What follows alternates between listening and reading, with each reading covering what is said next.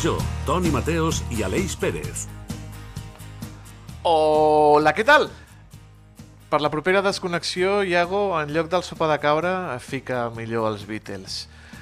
Aquí estem els de Carrer Major, el programa de ràdio que té com a objectiu endolcir la tarda d'avui dijous. Parlant d'endolcir, amics i amigues, ja saben que la xocolata negra és el més recomanat pels experts en salut per tenir menys sucres i més antioxidants que aquells que les xocolates que porten llet. A més a més, s'ha relacionat amb possibles beneficis per al nostre organisme, com reduir el risc de malalties cardíaques, millorar la memòria o contribuir en una millor qualitat del somni. No obstant això, els estudis estan per tombar-se. En un recent estudi, a 28 marques de xocolata negra americana, han descobert que moltes porten una quantitat excessiva de metalls pesants, en concret de cadmi i de plom. Menjar una porció, una simple porció, determina l'estudi, és perjudicial per a la nostra salut. Poden afectar el nostre sistema immunitari nerviós, poden causar hipertensió, dany renal i problemes reproductius, problemes a dones embarassades i a nens que tindrien problemes cognitius. Ja ni la xocolata, amics, ja ni la xocolata. I això que diuen que era una bona substituta pel sexe. Ens volen matar en vida, de veritat. Ei, però són marques americanes, tranquils. Aquí no arriben. O sí. Aleix Pérez, tu què ets més, de xocolata o de vida? Jo sóc una persona, Toni Mateus, a qui li agraden moltes coses, la xocolata, òbviament, i la vida també. Eh, jo pensava que amb això, quan feies l'explicació aquesta, eh, eh, com que passa als Estats Units, algú tindria els poders de magnet o una cosa així, i començarien a controlar els metalls, però, però sembla que no. No, no, no, no. Diuen que el cadmi eh, arriba pel, pel terra, eh, el terra de, ve de la planta, o sigui, ve de la planta del cacau, que la, el terra on hi ha té cadmi i la planta de cacau absorbeix tot el cadmi i el plom vindria de eh, deixar la xocolata per, per torrar-la. Bueno, unes, unes històries... En fi, xocolata i vida. Sempre, sempre. Som Ràdio Ciutat de Tarragona, Altafulla Ràdio, Ona la Torre, Ràdio Montblanc, Ràdio La Selva del Camp, la nova Ràdio de Reus, Ràdio Hospitalet de l'Infant i Baix Camp Ràdio. Les tabletes de xocolata que cada tarda poden consumir sense por. I amb el nostre mestre xocolater, en Iago Moreno, als controls. Li posem una mica de dolçor a les tardes radiofòniques del Camp de Tarragona. Que bonic m'ha quedat això. Que no ens treguin la xocolata també, eh, si us plau. Benvinguts i benvingudes.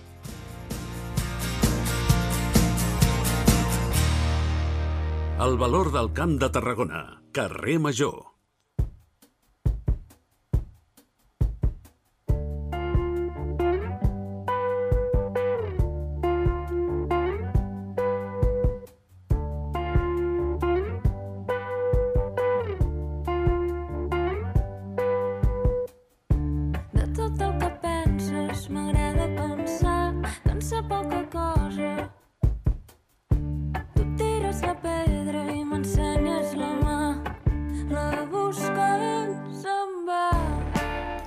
Encetem el mes de novembre, bé, és dia 2 de novembre, i el Festival Accents continua aquest festival de pop, rock i folk dels països catalans, que es celebra aquí al Camp de Tarragona, i aquest dissabte rep a una de les artistes que està en boca de tothom, al Castell del Paborde de la Selva del Camp. Es tracta de l'Anna Andreu, que ens visitarà aquí a la selva per portar les seves cançons a un lloc tan emblemàtic com és el castell.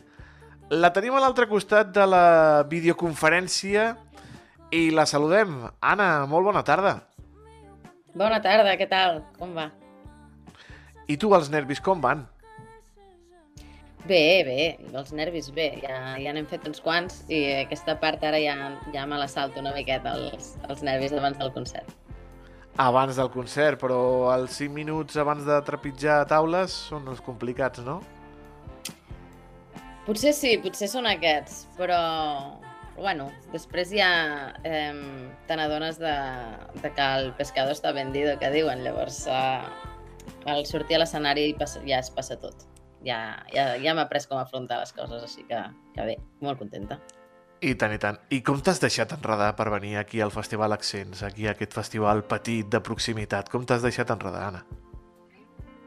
Bé, és bastant... Um, el tipus de concert que, que hem estat fent aquests últims tres anys, sobretot, són, són festivals petits, com tu dius, de proximitat i amb una, amb una filosofia una miqueta de, um, enfocada cap, a, cap al territori on estan emmarcats, no? No són grans festivals... Um, solem tocar en sales petites, en cicles, en festivals... Això, doncs, com l'Accents, és, un, és un tipus de, d'escenari on, on ens sentim còmodes i ens sentim que la nostra música també eh, té sentit que, que hi sigui, no? No som un grup um, que diguéssim que, que es pugui apreciar el que fem si hi ha 60.000 persones i ho veus des de 200 metres, no? Mm -hmm. Home, i també deixar-se enredar per l'Isaac, l'alma mater del festival, també és fàcil, no? Sí, això és molt fàcil, això és veritat. Ah, fa poquet vas trepitjar també Camp de Tarragona. Vas estar, si no recordo malament, per Falset, no? Fent un concert. Sí, al Garbinà de Pop. Uh, I vam ser... Uh, diria que era... Sí, mitjans, mitjans d'estiu. I bé, com et deies, això no és un tipus de d'escenari en, el que, en el que ens hi trobem molt a gust. També tenim el públic a prop i, i es creen moments així molt bonics. Mm -hmm. Jo et volia preguntar, Anna, perquè jo vaig tenir la, la sort de, de poder-te veure en un format molt més acústic, amb Mollerussa, al minúscul, i et volia preguntar també quina importància té a l'hora d'adaptar-se en el format, eh, veient, de, depenent d'aquestes de, característiques que té cada, cada festival i cada concert també, que, quin valor té la, la polivalència en aquest cas. Per mi en té molt. Um, sí que és veritat que sempre que podem anem, uh, vaig amb la Marina Rufat, que és la meva parella i també companya de projecte, que m'acompanya a la bateria. Um, normalment anem, anem les dues, a no sé que hi hagi alguna limitació o que, o que no es pugui per algun motiu. Uh, sempre és la primera opció. Si no, si no es pot, sí que és veritat que jo les cançons les escric amb guitarra i veu i per tant són cançons que, que amb guitarra i veu ja s'aguanten, no? tenen una columna vertebral molt de cançó tradicional i amb guitarra i veu es poden defensar. I els cops que faig, eh, doncs que he fet algun concert així en format acústic o solitari, diguéssim, potser dono més, um, dono més espai, per exemple, doncs, a explicar les lletres, um, tot aquest espai que no, que no s'ocupa d'alguna manera amb, amb massa sonora, doncs s'ocupa amb, amb, amb apropar també el significat i fer una cosa més, um, com es diu tradicionalment, més de cantautor, no? més de cantautora, d'explicar de, d'on surten les lletres o, o quines escenes o imatges em venen al cap. Dona, guitarrista, catalana, ficada en el món de la música. Ets, ets una valenta, una inconscient? Com et definiries tu, Anna? Jo em, em defineixo com una persona molt afortunada de, de poder de poder fer el que crec que és el que millor se'm dona. Això és una cosa que no sempre passa, no? I, i que a vegades ens agrada fer una cosa o creiem que se'ns dona bé fer una cosa i, i no tenim l'espai per fer-la. Jo molts anys he viscut així, molta gent li, li pot passar, no? I, I penso que és una sort que tinc de poder dedicar-me a una cosa que disfruto i que, i que la gent la rep d'una manera eh, tan, no sé, tan bonica, almenys és el que em fan arribar. Per tant, sobretot el que em sento és molt afortunada, mmm, valenta, sí, però fins a cert punt. També és el que et dic, no? He tingut aquest espai i he tingut un...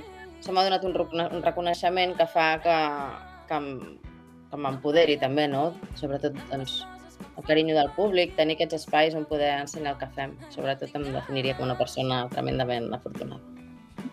Sí, Anna, i ja ho has comentat eh, fa un moment, però vas acompanyar això de la Marina Rufat a la bateria. Per què bateria i guitarra? I a més que en principi no, no, era el seu instrument no? de, de, de primeres, per què bateria i, i guitarra?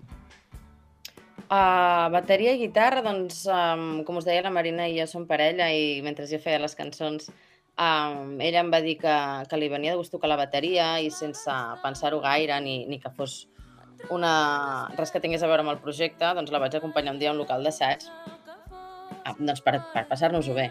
I sí que vam veure que, que les cançons prenien un caire potser menys greu i menys... Una, la, la intensitat aquesta quedava en un, en un pla que feia que vingués més de gust escoltar aquestes cançons, no? Um, I és un format que sí que hi ha altres grups, uh, potser, bueno, aquí ten, hi ha els Calavento o, no sé, o, White Stripes, no? O sigui, és, és un format que no és molt comú, però sí que existeix. Um, I a part de, de la guitarra, jo porto un octavador, diguéssim, que, que, que supleix una mica aquestes freqüències greus, que a vegades la guitarra no aporta. La Marina també dispara alguns, alguns baixos i d'alguna manera és un format que a nosaltres ens ha estat molt còmode, que disfrutem molt i que és molt exigent per nosaltres a l'hora de tocar, no? Les cançons s'aguanten amb pocs recursos i per tant ens genera una tensió a l'hora de tocar que fa que, que sempre sigui distret per nosaltres. Sempre que estem tocant hem d'estar al 100% en el, que, en el que estem fent, si no cau tot per terra i això després de tants concerts s'agraeix, la veritat, doncs que, això, que, que hi haguem de posar tota aquesta tensió i, i, i al cap i a la fi preparar-nos molt per, per fer la feina que fem.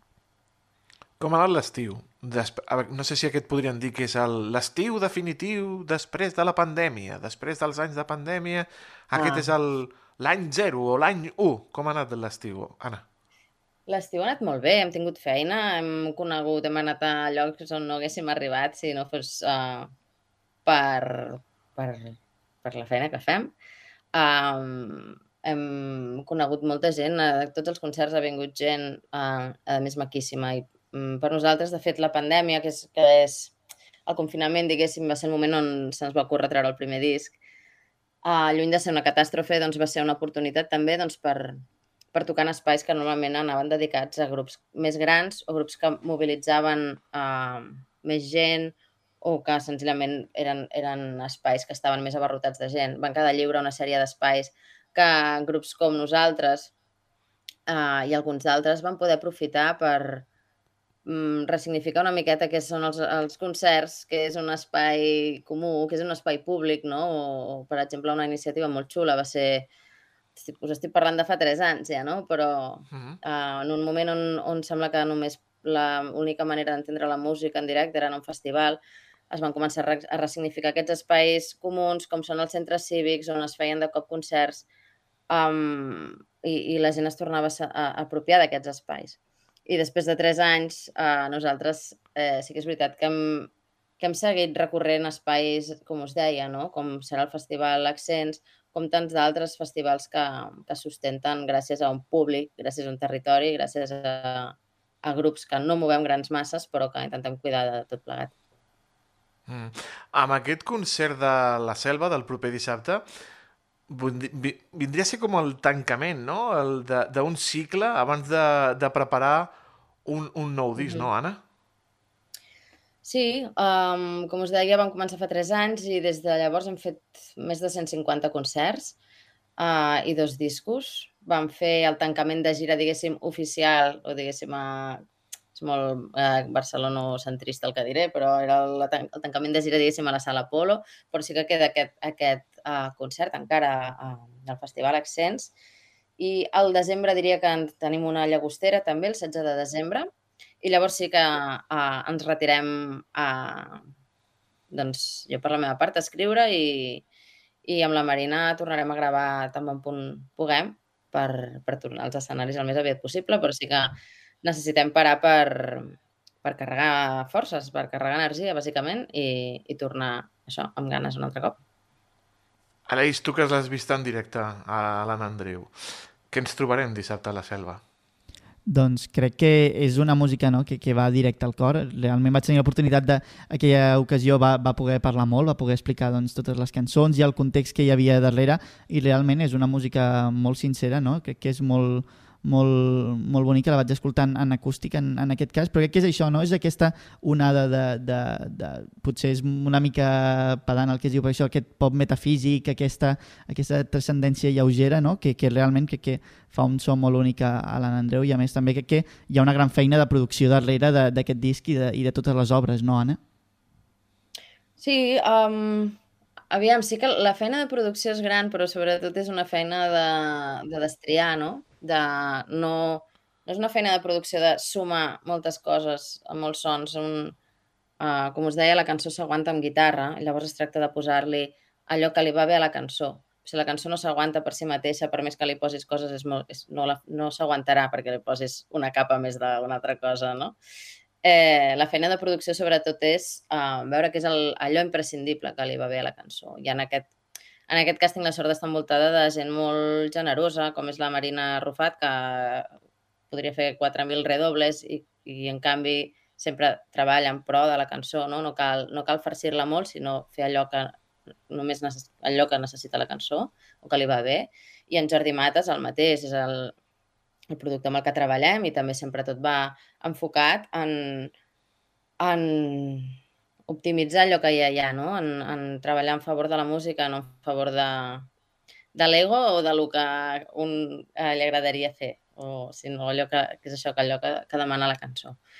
I en els directes, doncs, intentem que, que aquesta senzillesa um, de, de les cançons um, sí és veritat que pots dir són cançons senzilles, però sí que és veritat que a l'hora de tocar-les, com us deia, hi ha aquesta tensió i aquesta manera d'intentar uh, abocar una miqueta que la cançó som, és més de la suma de, del que està passant, sinó la intenció i el que hi ha darrere de les lletres. Mm -hmm. Com, com és l'Anna Andreu amb les xarxes socials? Com, com t'aportes amb les xarxes socials? Amb l'Insta, amb el Facebook, amb el, amb el Twitter? Com cuides la te el teu perfil artístic a les xarxes? O ets de les que dius ui, ui, ui, ui, ui, ui? Malauradament no puc dir ui, ui, ui. Les xarxes les intento cuidar. Yeah. Sí que és veritat que um, intento fer-ho de la manera que em sigui més natural a, a mi, no? Ja que és... Um, un, un espai on hi he de dedicar temps i bàsicament és un temps que s'allarga al llarg del dia. A mi em resulta impossible dir faig 20 minuts al matí, 20 minuts a la nit. Al llarg del dia vaig connectant, vaig desconnectant i sóc humana com qualsevol. A vegades m'hi quedo més temps del que m'hi hauria de quedar. Però sí que intento tractar les xarxes una miqueta d'una forma que, el que et dic, no? que a mi em sigui natural o que, o que em, em, una manera d'identificar-me no, amb el que faig.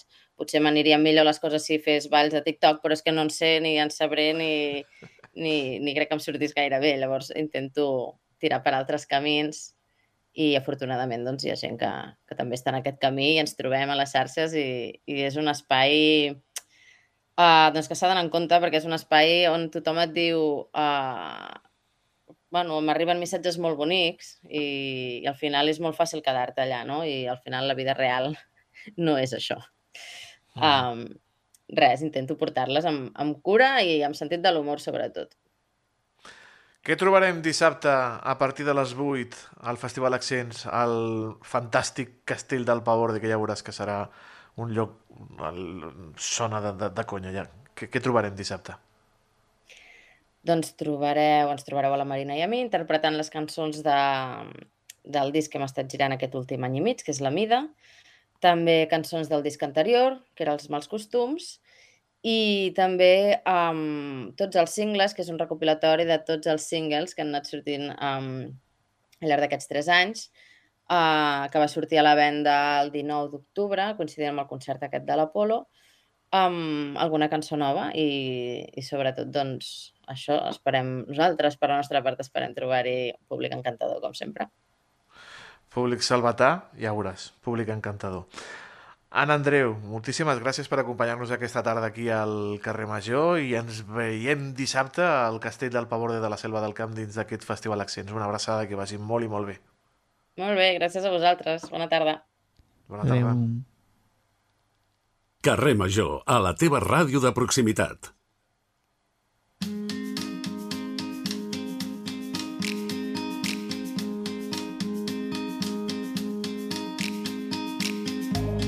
Sé morir, sé viure, sé fer pondre el meu sol, sé fer mal soc de vidre, soc guspira, estel i carícia, faig del drama tres muntanyes, faig allò que tots esperen, faig i roure... Doncs seguim aquí al carrer Major, ara parlant de psicologia.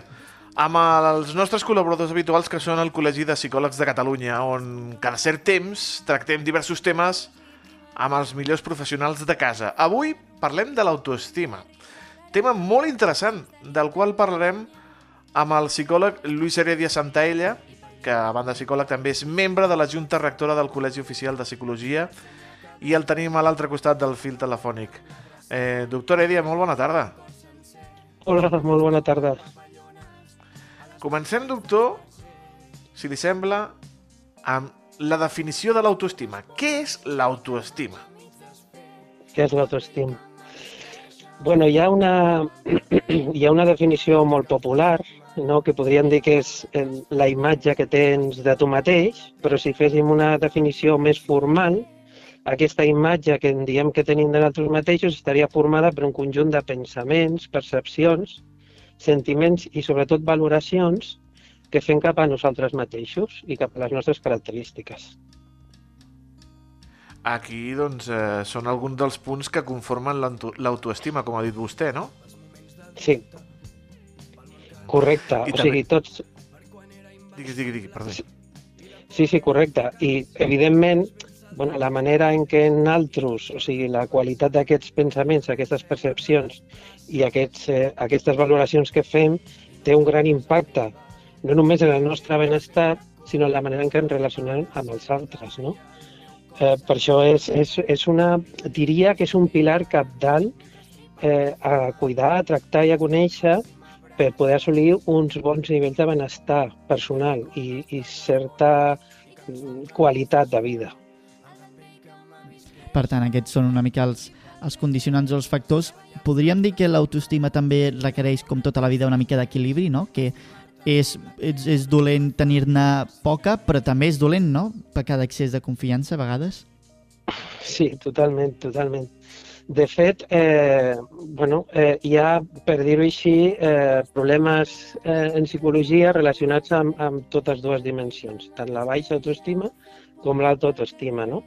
Els estudis científics el que ens han dit és que la baixa autoestima doncs, està relacionada, per dir alguns dels tractors més comuns o que la gent té al cap eh, més sovint, com la depressió l'ansietat o, per exemple, els processos de somatització. No? Eh, això amb una baixa autoestima.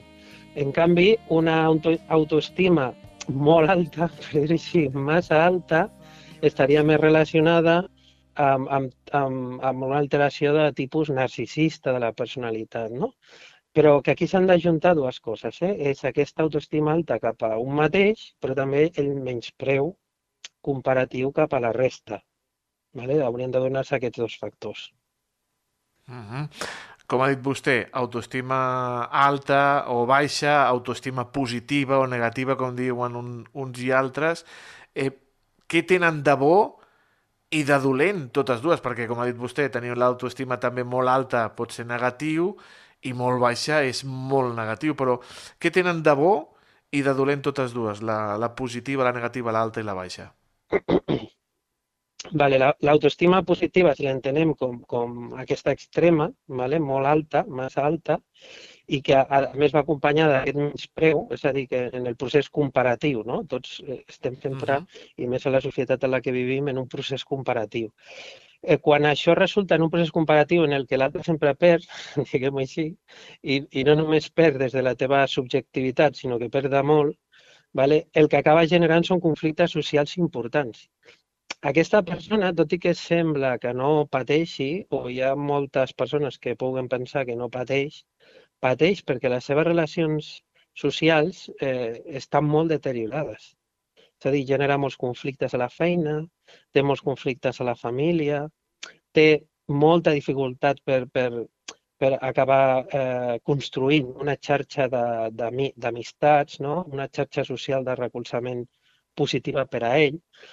O sigui que té un, un impacte molt directe eh, no només a les persones eh, que conviuen amb aquesta autoestima exagerada, per dir-ho així, que pateixen, perquè sempre han d'estar enfrontant, per dir-ho així, la comparació amb l'altre i una comparació des d'aquesta posició, diguem-ne, de, de menyspreu, sinó que també afecta la persona que la té, vale? que veu que no encaixa, és, és a dir, que no, que, que no sap, eh, i moltes vegades mm, no n'és ni, ni, ni conscient, vale? és a dir, ha d'entrar en un procés de consciència de, del que està passant. En canvi, la persona amb una autoestima baixa, que em preguntaves, quin seria l'aspecte negatiu? Bueno, quan Mhm. tu penses que no ets suficient, no? quan tu penses que els altres sempre són millors, bueno, el més habitual i el, el problema més greu que tenim és que acabis entrant en un procés de sotmetiment amb Sí, el que hi ha fora. perquè més inclús també pot passar no? que en algun moment, en alguna situació, eh, potser tinguis l'autoestima molt alta en algun aspecte de la teva vida, però en un altre ho estiguis passant molt malament i t'arrossegui, no? I acabis, doncs, sumit per Sí. aquesta vessant negativa, no?, que s'acabi contagiant. Mhm, Correcte, correcte. Eh, En termes d'autoestima, el, el, el, més, el més important és l'equanimitat. Eh, És a dir, la, la visió tant d'aspectes positius i negatius de la nostra, de la, de la nostra conducta, de la nostra manera de ser, i, i, i també des d'aquest punt comparatiu, eh, diguem-ho així, rela, relatiu, que comentes tu, no? en el que una mateixa característica pot ter eh, tenir eh, conseqüències positives o negatives depenent de com la utilitzem i en quin moment la utilitzem. Com podem aconseguir, doctor, aquest equilibri, com ha dit vostè, aquesta a- equitat de, en la, amb les autoestimes? Molt bé. Bueno, la construcció de, eh, de, de l'autoestima eh, comença de ben petit. ¿vale? Comença a la infància amb els pares, amb les cures eh, que et fan, amb, amb, el, eh, amb el discurs que ells et, et traslladen. D'alguna manera els teus pares són com el teu mirall i, i quan et parlen eh, t'estan informant sobre tu mateix, sobre tu mateix que el nen encara s'està coneixent, diguem així, no? encara, encara s'està formant. No? Clar, eh, el primer que hauríem de pensar és com tractem els nens, és a dir, discursos en els que hi ha eh, molta crítica constant, burla, infravaloració, aquest tipus de missatges, eh, no vull dir no, no, no ser crític, o sigui, no generar consciència de les errades, però quan això és, és, és un discurs continu eh, en el dia a dia del nen, eh, això pot provocar eh, doncs, que, el, que el nen acabi assumint que no, no és suficient, que ell no és suficient.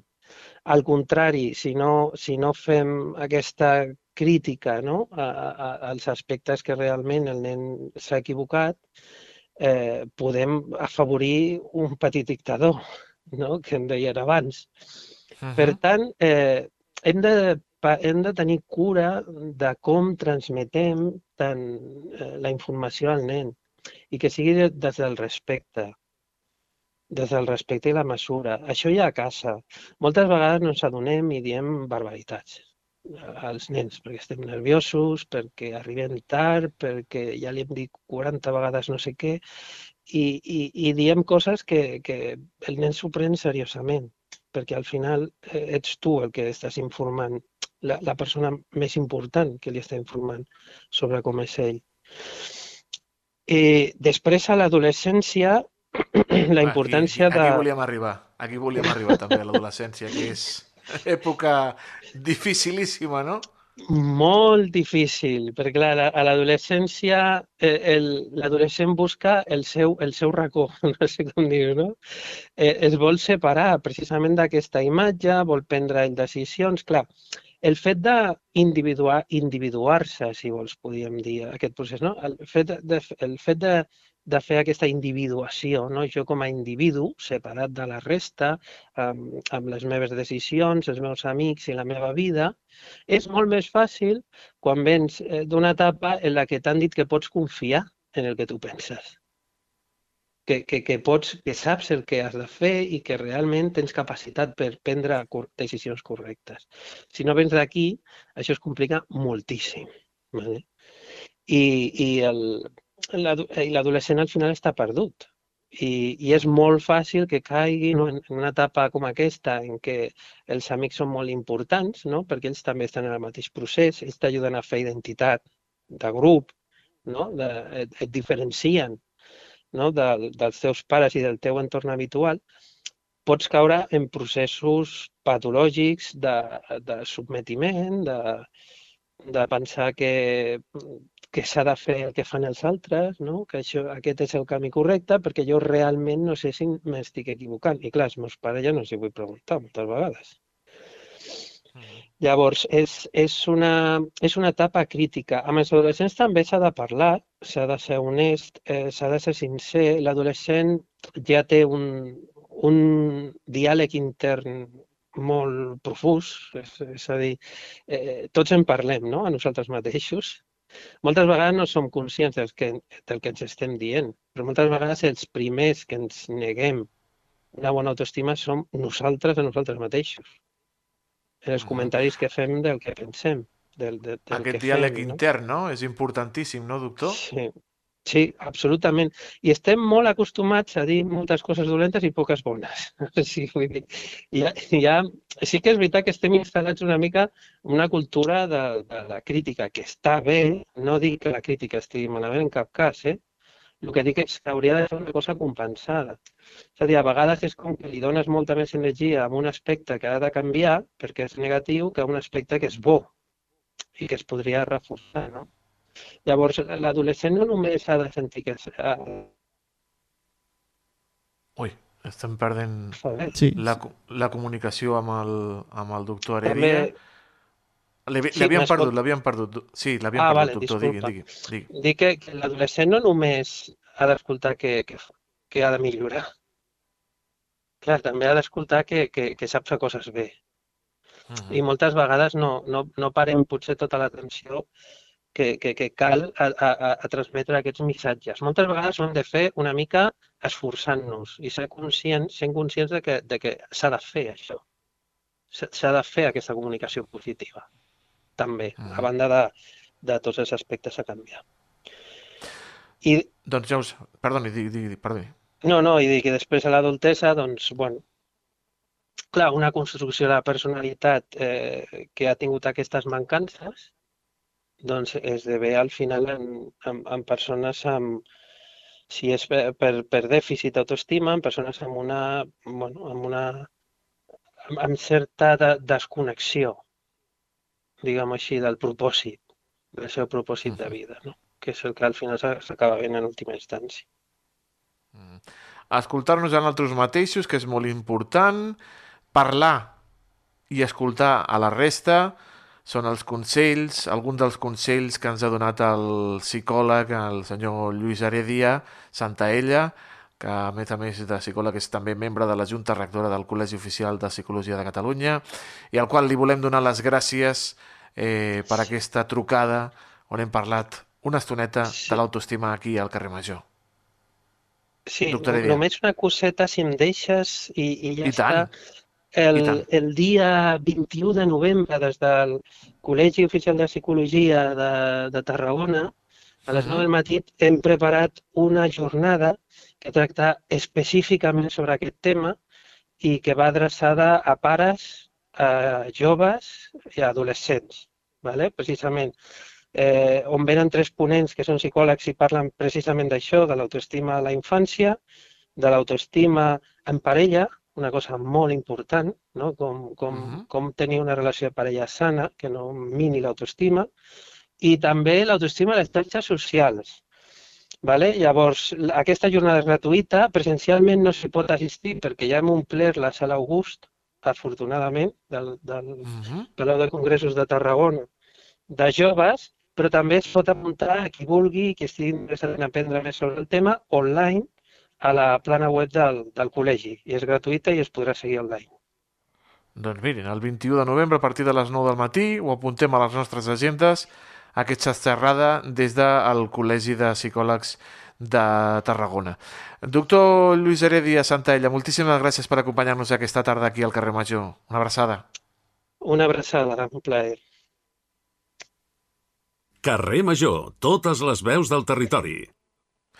Més veus del territori, com per exemple la del nostre company l'Adrià Recassens, perquè, amics i amigues, ja tenim disponible un nou episodi del podcast de veïns que porta el nostre company de Ràdio Ciutat de Tarragona. Aquesta setmana, a l'Eix, el podcast de veïns ens porta a una vella coneguda del programa, a la Jerusalem Torre.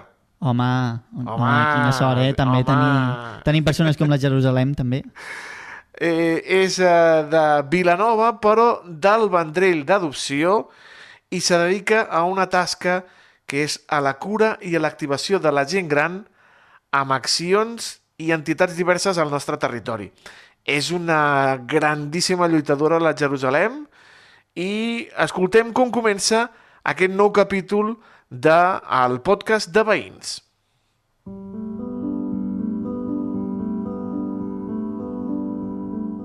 Aquest és un nou capítol del podcast veïnal del Camp de Tarragona. Històries i protagonistes del nostre territori. Gent gran, el xivarri de l'experiència, de la història, dels que ens van protegir i estimar, però malauradament també de la soledat, l'oblit i de l'abandó. Aquesta setmana al podcast de Veïns volem conèixer a una protagonista que dedica precisament el seu dia a dia a la cura i l'envelliment actiu de la gent gran. Hola, sóc Jerusalem Torra Garcia, eh, sóc de, del Vendrell, bueno, de Vilanova, però adoptada de, del Vendrell. Tinc una empresa d'ajuda a domicili i un centre de dia a Roda de Barà. Em dedico pues, al, sector, al sector social, a les persones grans. Quan era petita estava bastant sonadeta i jo crec que m'agradava molt el que és el temps. Volia ser cantant, Eh, i no sabia cantar, eh? Però mira, feia gràcia, volia ser cantant. Saps aquella època de... Bueno, jo tinc 50 anys, aquella època del superpop. Jo era d'aquelles que tenia les carpetes amb els cantants, era una fan de Leif Garrett, de l'Elvis Presley, i a mi m'agradava cantar. Històries, vides, trajectòries, anècdotes. Els nostres barris, carrers, places, municipis, pobles i ciutats compten amb un grapat de veïns i veïnes rellevants per una cosa o altra. El podcast veïnal de Carrer Major, el programa de les 8 ràdios de la xarxa al Camp de Tarragona, ens fa descobrir aquests perfils del territori cada setmana amb Adrià Requesens. No et perdis cada capítol a rctgn.cat. Podcast de veïns. Gent amb marca local doncs podeu escoltar-lo sencer a www.rctgn.cat, és a dir, radiociutattarragona.cat, així com el servei a la carta, i als twitters del programa i a la plataforma de podcast de la xarxa Més. Anem amb els ODS? Et sembla, l'Eix? I tant, passem ara ja als ODS, uns objectius de desenvolupament sostenible que ens porten a un compte enrere fins a l'any 2030. Aquell any l'Organització de les Nacions Unides es reunirà per veure si realment s'estan complint. No ens avancem als aconteixements, però, i és que parlarem d'una data una mica més propera al 17 i el 18 de novembre, data on se celebren les Jornades del Territori i Vincles. Per parlar-ne amb nosaltres tenim a Aran Reguant de la cooperativa L'Aresta. Molt bona tarda, Aran. Hola, Aran? Sembla que no podem contactar amb... L'Aran me sembla que el Ara? tenim congelat. Aran, bona tarda. No pateixis, Aleix, que trucarem sí. per telèfon Farem per a, a l'Aran. Eh, D'on m'has dit que era l'Aran, perdona?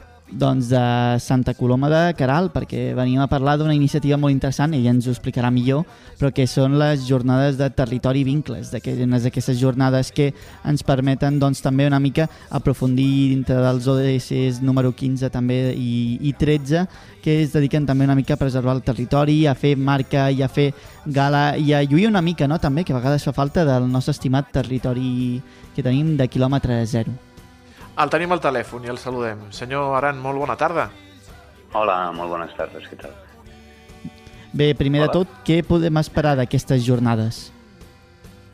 Bueno, la idea de les jornades és una mica apropar iniciatives eh, que es fan arreu del territori català que poden ajudar-nos a mm, trobar solucions o buscar camins per afrontar els problemes que afecten a territoris com la Vall del Corp, el despoblament, la crisi climàtica i coses que, que esperem que ens doni idees noves i, i ganes d'engegar iniciatives. Per tant, per aquest, aquest cap de setmana, aquest 17 i 8 de novembre, què heu plantejat? Quines activitats hi ha pensades per, per intentar doncs, combatre d'aquesta manera el, el despoblament i les necessitats que té el territori? Bueno, S'ha enfocat en dos blocs temàtics, un a la tarda del dia 17 i l'altre al, al matí del 18, el primer va molt encarat a temes de, de producció, és a dir, de generar activitat econòmica, buscant diversificació, buscant aprofitament dels recursos locals que tenim i en base, sobretot en base a iniciatives de, eh, centrades en el cooperativisme i la intercooperació. Llavors vindran, ens presentaran exemples, la cooperativa Falset Marçà, per exemple, que estan engegant tot un, un projecte molt interessant de diversificació de la seva activitat, o la cooperativa d'artès que a partir de la seva agrobotiga està generant dinàmiques de participació, eh, vindran la cooperativa Pagès Ecològica de nova creació, que també volen valoritzar el seu producte agrícola, o la cooperativa Tres Cadires, per exemple, que estan engegant un projecte de malteria i de generació de, de licors eh, també a partir del cooperativisme. I a la, també alhora tindrem una petita taula de dos projectes de cultius extensius que busquen maneres alternatives, diguem, per buscar la viabilitat dels seus projectes. No? I una mica és això. El dissabte va molt més encarat a temes d'habitatge, de, per una banda, detectar i valorar com està el parc d'habitatges a nivell d'espais existents, espais buits i possibilitats que hi ha, i després maneres de, a partir de la reutilització, la rehabilitació, el reciclatge, com aprofitant aquests recursos que ja tenim, doncs, intentar millorar el que és l'accés a l'habitatge en aquestes zones despoblament, que paradoxalment també és un gran problema. No? Seria això. Sí, perquè, per tant, mai millor dit, no? en certa manera també eh, es conviden a molta gent que està engegant projectes i iniciatives a, a diversos espais a explicar la seva idea i, en certa manera, també no? plantar una llavor perquè es pugui aplicar a, la, a la Vall del Corp. Mm, exactament, vull dir, és la idea. És a dir, des dels seus orígens, bueno, tot el projecte Territori de Vincles sempre ha anat amb aquesta idea i les eh, dues eh, jornades anteriors, els anys anteriors, sempre ha sigut aquesta la pretensió, és a dir, posar damunt de la taula iniciatives que poden servir de referent o de donar la petita llum per engegar projectes que des d'entorns com la Vall del Corp es, pugui, es puguin tirar endavant. Sí, sí, sí, és exactament sí. això. Sí, sí. Una de les coses que em crida atenció i també volia incidir és en aquest segon dia, no? el problema de l'habitatge realment, que aquí també és un dels grans oblidats d'aquest territori. Um, sí, no? És a dir, despoblament i sembla com que no ha de ser un problema l'accés a l'habitatge, no? Diu, si falta gent és que trobaran lloc on posar-se i no, resulta que en els llocs amb despoblament una de les causes també és la dificultat de sentar projectes vitals, és a dir, si un projecte familiar o personal es vol assentar en aquest territori, un dels problemes que tindrà és aquest. I aleshores, doncs, en aquesta segona jornada, doncs, es planteja una mica doncs, com afrontar aquest problema, des de, això, des d'inventariar quina és la situació real a nivell de parc d'habitatges, a buscar maneres d'afrontar la recuperació d'espais, bueno, d'edificis amb mal estat, de veure com podem millorar aquesta accessibilitat. Sí, sí. Tema important, per... sí. Sí, perquè malauradament doncs, aquesta situació també eh, es fa palès a Santa Coloma de Caral. Jo volia preguntar també on, on es faran aquestes, aquestes xerrades, on la gent es pot apropar per, per aprendre una mica més i quin és el funcionament també per poder-hi accedir. Mira, les jornades es fan al Castell de Santa Coloma, un entorn molt, molt preciós per, per reunir-se. Uh, a veure, les jornades es, es, es podran seguir en streaming, vull dir, hi haurà un, un seguiment en streaming. De totes maneres, nosaltres pensem que és molt interessant anar-hi presencialment, que és on hi haurà més caliu i on es podrà debatre. El format sempre és en format taula, intentant ser participatiu, és a dir, que la gràcia és que com més serem, més aportarem, i des de, sigui a través de les nostres xarxes socials, de, del territori de vincles mateix o de l'aresta cooperativa, anirem fent promoció i hi ha un accés a un enllaç a un formulari d'inscripció, us inscriviu i rebrem un correu amb tota la informació que necessiteu per venir al dia i no té més. Si no us presenteu i també ho rebrem, eh? però agrairíem que us inscrivíssiu, sí. Sí, i tant, i tant. Bé, se'ns acaba el temps, però ja per anar tancant també, mm, no oblidar que, que això també és, és un espai d'intercanvi no? entre els productes també que hi ha a la Vall del Corb i és, és, un, és un punt de trobada. S'aprofiten els espais que hi han en, entre, diguéssim, el que són converses, sempre per fer tastos, degustacions i i, i presentar productes de la vall. Sí, és un dels objectius és també donar valor a el que ja s'està fent i que, bueno, que va bé que la gent conegui i valori i mi d'alguna manera. Sí, sí, és un dels objectius també. I tant, moltíssimes gràcies, Aran Raguant, de la cooperativa l'Aresta, més concretament de l'àrea d'ionització agroecològica, per venir aquí a parlar d'aquestes jornades i que vagi molt bé. Moltes gràcies i, ja anem parlant. Vinga. Adéu. Adéu. Estàs escoltant Carrer Major.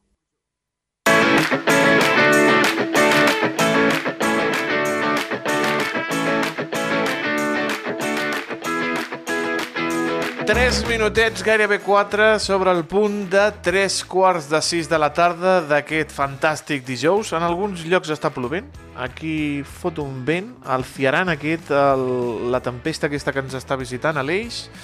No sé si ha afectat el nostre company, el Miquel Llavaria, que avui no el tenim al carrer, avui el tenim a l'Espai Jove Quessa de Tarragona, amb una exposició fotogràfica i, i, i té sostre al damunt i ben cobert que està el Miquel. Miquel Llavaria, molt ben acompanyat. Bona tarda, estimat. Molt bona tarda, companys. Doncs escolta, mira, jo el que t'haig de dir és que per arribar aquí no ens hem mullat perquè ja fa una estona que ha acabat de, de ploure. En tot cas, la meva furgo és amfíbia, així que no hi ha cap problema. I com sempre, jo em busco un bon aixopluc i me l'he buscat, com bé has dit, a l'espai Jove QC, que és un lloc on tot justament avui a dos quarts de vuit de la tarda o a les set a punt, a dos quarts de vuit de la tarda eh, hi haurà la inauguració d'aquesta exposició eh, Carrer Càpsule, que són una sèrie de, de càpsules de diverses fotos fetes per la persona que ara mateix m'acompanya i que és la seva primera exposició, Andrés Álvarez. Moltes gràcies per acompanyar-nos uns minutets. Molt bona tarda, molt bona tarda. Doncs sí, eh, bueno, és una exposició de nou càpsules, cada càpsula és d'un punt de vista diferent, amb un tema, eh, amb una banda sonora i, bueno, pues ara, ara comença i a fer-la girar, tot el que es pugui fer-la girar. I escolta, aquesta sèrie de treballs, alguns d'ells, que per la gent que ens segueixen a través del servei del streaming, tenim alguna mostra just a les nostres esquenes. Eh, D'on surten? Que, quan els vas fer, eh, totes aquestes eh, fotografies?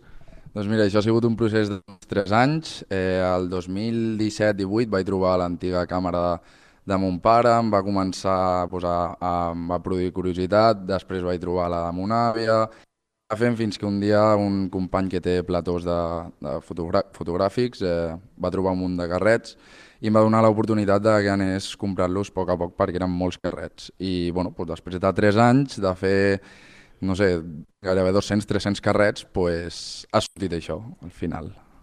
Carlets, eh, ara mateix per a aquelles persones joves, més o menys de la meva edat o fins i tot menors, Carlets és una cosa que s'utilitzava abans. És que, clar, ara fem les fotos a través de mòbil. Potser el Toni en sap això de, d'això de Carlets. En tot cas, eh, com és això d'utilitzar Carlets per fer fotos? Perquè és que la veritat és que amb, amb el mòbil que tinc ara mateix aquí a la meva mà dreta en puc fer vàries.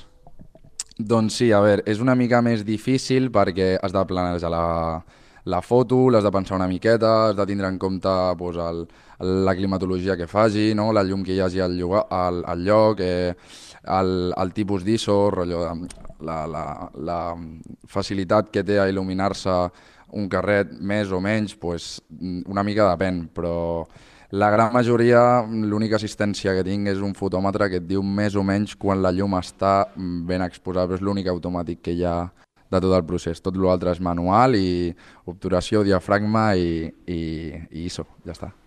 Escolta, tota una experiència per anar a viure-la, perquè tu dius és que eh, tu has de planejar molt, però tampoc pots planejar tant en el lloc on has fet aquestes fotografies, perquè la majoria jo les veig al carrer. Per exemple, aquí hi ha eh, un llac d'ànecs, no sé si van posar per la foto o no, però en tot cas eh, és això, treballar a des del carrer on la gent no esperarà a fer-te de, de, de, de, de pose, no? de, de, de posado, o, o sí, no ho sé, eh, deus tenir també la seva complexitat, no? Bueno, sí, és bastant complexa perquè moltes són de fer la foto i seguir caminant perquè bueno, és la base de la street photo, però hi ha dues maneres de fer-la, o pensar molt la foto i preparar-la molt, o fer moltes fotos. Potser per un carret de 36 fotos doncs només agafes una. I clar, has llançat 35 fotos, però a base de disparar, disparar, disparar, pues al final la pràctica hace el maestro, no?, que diuen. És veritat, i és que justament ara aquí, eh, potser a les nostres esquenes en deveu veure tres o quatre, però més o menys, així comptant a ull, crec que hi ha una trentena, una quarantena de... de 45. 45 fotos. Eh, en tot cas, clar, eh, tu ara comentes, és que potser d'un carlet de 35 fotos i només me'n quedo una. Aquí en veig 45, aleshores quantes fotos has tirat? Pues Potser entre 400 i 700, potser. M'hauré quedat una, dos de cada carret i hi ha molts carrets que s'han cremat i no he utilitzat res, absolutament res. Escolta, és, eh, jo crec que és molt més fàcil això. Quin gasto, eh? De, de, quin de, gasto. De, quin gasto, exacte. És quin que jo, gasto mira, de carrets. la galeria agafo, li dono aquí i, i eliminar foto i ja està. Mira quina cosa més fàcil, Toni. Bueno, vaig arribar a una xifra i, vaig arribar a una xifra i ja vaig deixar de comptar quan vaig arribar a aquesta xifra i vaig dir, prou, ja està. A la quarta xifra s'acabó, no en penso més. Millor que no. Eh, en tot cas, eh, jo te volia preguntar perquè també s'ha de comentar, és la teva primera exposició. Eh, què t'ha portat o t'ha pesa a, a portar-la finalment a terme? Doncs mira, jo sempre tenia, aquesta, bueno, tenia aquestes ganes de, de fer una exposició, veure les meves fotos en, en paper i poder-les tocar i, i agafar, però també va ajudar molt la meva professora Olga eh, de Lleida, que em va picar bastant perquè acabés, acabés fent això i, i bueno, doncs va començar, el que va començar com una broma al final doncs va acabar sent realitat. Bromes que acaben sent realitat, Toni. Eh, potser tu eh, Sí, sí. això en coneixes, no? No, no, jo en conec unes quantes, de, que tot va començar com una broma al carrer Major i mira, ja portem uns quants eh, mesos presentant-lo, que van dir, van dir en plan de broma, que presenti el Toni. I mira, ja portem així. 45 fotografies a l'Espai Jovequese, fins quan estaran? Estarà tot el mes de novembre, al desembre es puja a Lleida i l'any que ve pues, un parell de ciutats més que estic aquí acabant de, acabant de tancar. Doncs, eh, Miquel, moltíssimes gràcies. Eh, transmet també la felicitació del carrer Major a aquest fotògraf que ja el fitxem com a fotògraf de capçalera aquí al nostre programa. Doncs escolta, mira, aquí ja han anat replegant col·laboradors, al cap i a la fi ens farem un equipazo eh, a Carrer Major, eh, ja li demanarem que ens faci algunes fotos de, de carrers majors. Eh? I tant, i tant. Molt ben trobat, Ho. Miquel. Ho sento, Una la abraçada. tenia que fer. La tenia No, no, que fer. En tot cas, Andrés Álvarez, molt. moltíssimes gràcies per haver-nos acompanyat. Moltes gràcies a tu. Gràcies, Andrés, i a gràcies, Miquel. Moltes gràcies. Gràcies a tots dos. I anem a tancar el programa, si et sembla, amb la banda sonora, estimat Aleix. Vinga, va, amb una mica de Mira música per sona, acabar. mira com sona, mira com sona, mira com sona. com sona. Trompetetes, Festa, eh? festa, bueno, fa, fa olor trompetetes. festa. Fa, fa... Jo respiro olor a festa. Por, fa olor a Port Vell, fa olor a Sí, sí, Portobello. sí. David Fernández, bona tarda, estimat, com estàs?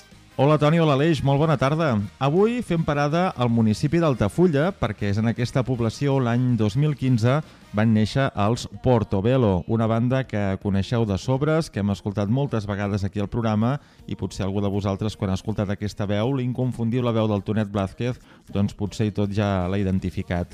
Una formació que el 2016 en van treure el seu primer disc, basat en fets reals. El 2019 van editar L'ull de la tempesta, que a més a més va ser el disc català de l'any segons Radio 4, i el 2020 editaven La llei universal.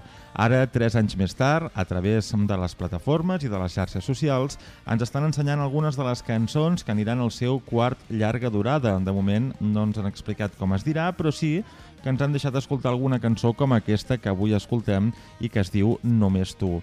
No és la única cançó que ens han avançat d'aquest quart treball discogràfic, ja que fins ara doncs, ens havien també estrenat algunes cançonetes com Bla Bla Bla o Quererte, que també aniran en aquest disc. Avui, doncs, la música dels Portobello amb aquest Només tu és la banda sonora del dia del carrer Major. I el Tonet Blázquez, que dorm poquet perquè ha estat pare. I dorm poquet. De primera mà. De primera mà.